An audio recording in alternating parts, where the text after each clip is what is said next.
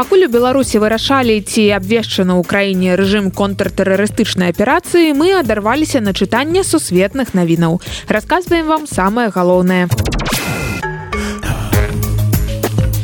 французскія рабочыя зноў успомнілі пра свае правы баставаць як толькі адчулі што жыццё становіцца даражэйшым.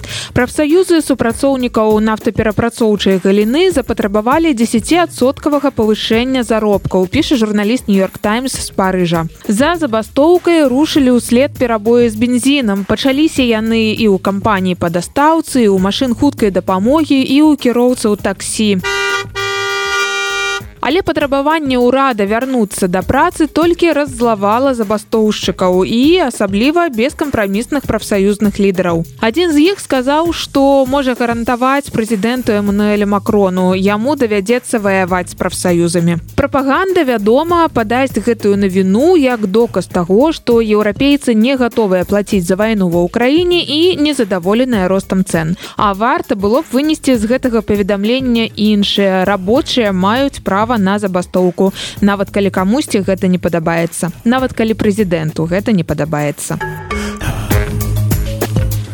Многія незалежныя журналісты больш не могуць працаваць у іране а з інтэрнетам там перабоі. Але паспрабаваўшы спыніць распаўсюд інфармацыі ўрад краіны так і не змог спыніць пратэсты. а Яны пачаліся пасля смерці маладой іранскай дзяўчыны Максы Аміні. Яна памерла пасля затрымання паліцыі нораваў. Дзяўчына нібыта парушыла закон, які кантралюе нашэнне хіджаба.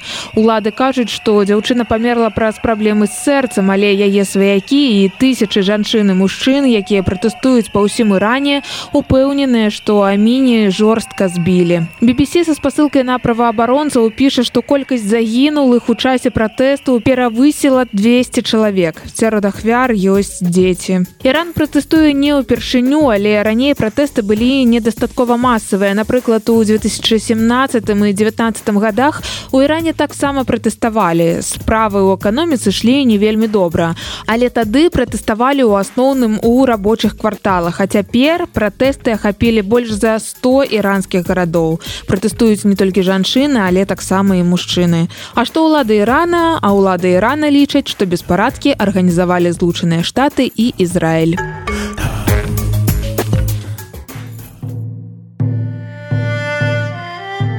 Ніхто не ведае імя чалавека, які выйшаў з адзіночным пікетам супраць дыктатуры ў пекіне. Вы не недачулі у Кітаі сапраўды адбыўся адзіночны пікет. Мужчына вывесіў на гарадскім мосце два вялікія транспаранты піша BBC. Яны заклікалі пакласці канец жорсткай палітыцы сідзень-піня па барацьбе з каранавірусам і наогул зрынуць старшыню КНР. Цяпер у кітайскай сацыяльнай сетцы немагчыма знайсці ніякіх згадак пра гэты пікет.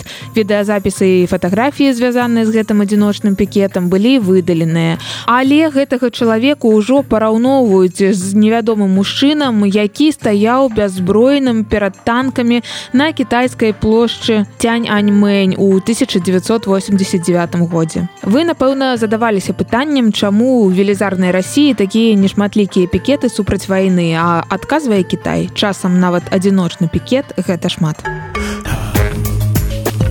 часам мы не ведаем як рэагаваць на навіны. Не стае слоў. Но вы ведаеце. І тады на дапамогу прыходзяць эмодзі. Але некаторыя эмодзі могуць выдаць у вас бумера. Каб гэтага не здарылася daily mail расказвае якія эмодзі лепш ніколі не выкарыстоўваць. І першая з іх падняты ў гору палец апытаныя журналістамі прадстаўнікі пакалення зумераў сказалі што гэты палец часцей за ўсё ўспрымаецца імі як сімвал схаванай агрэсіі Так што калі вы ставіце палец у гору, вы альбо злуецеся, альбо бумер. А вось яшчэ некалькі эмодзі, якія могуць выдаць у вас бумера. Сімвал Акей, твар у слязах, плясканне ўладкі і след ад пацалунку з памадай. Зрэшты, зумеры лічаць, што нават чырвонае сэрца і кашлюць толькі старыя. Так што слухаць іх варта не заўсёды. І калі вам хочацца паставіць сэрцайка нашаму падкасту, ні ў чым сабе не адмаўляйце.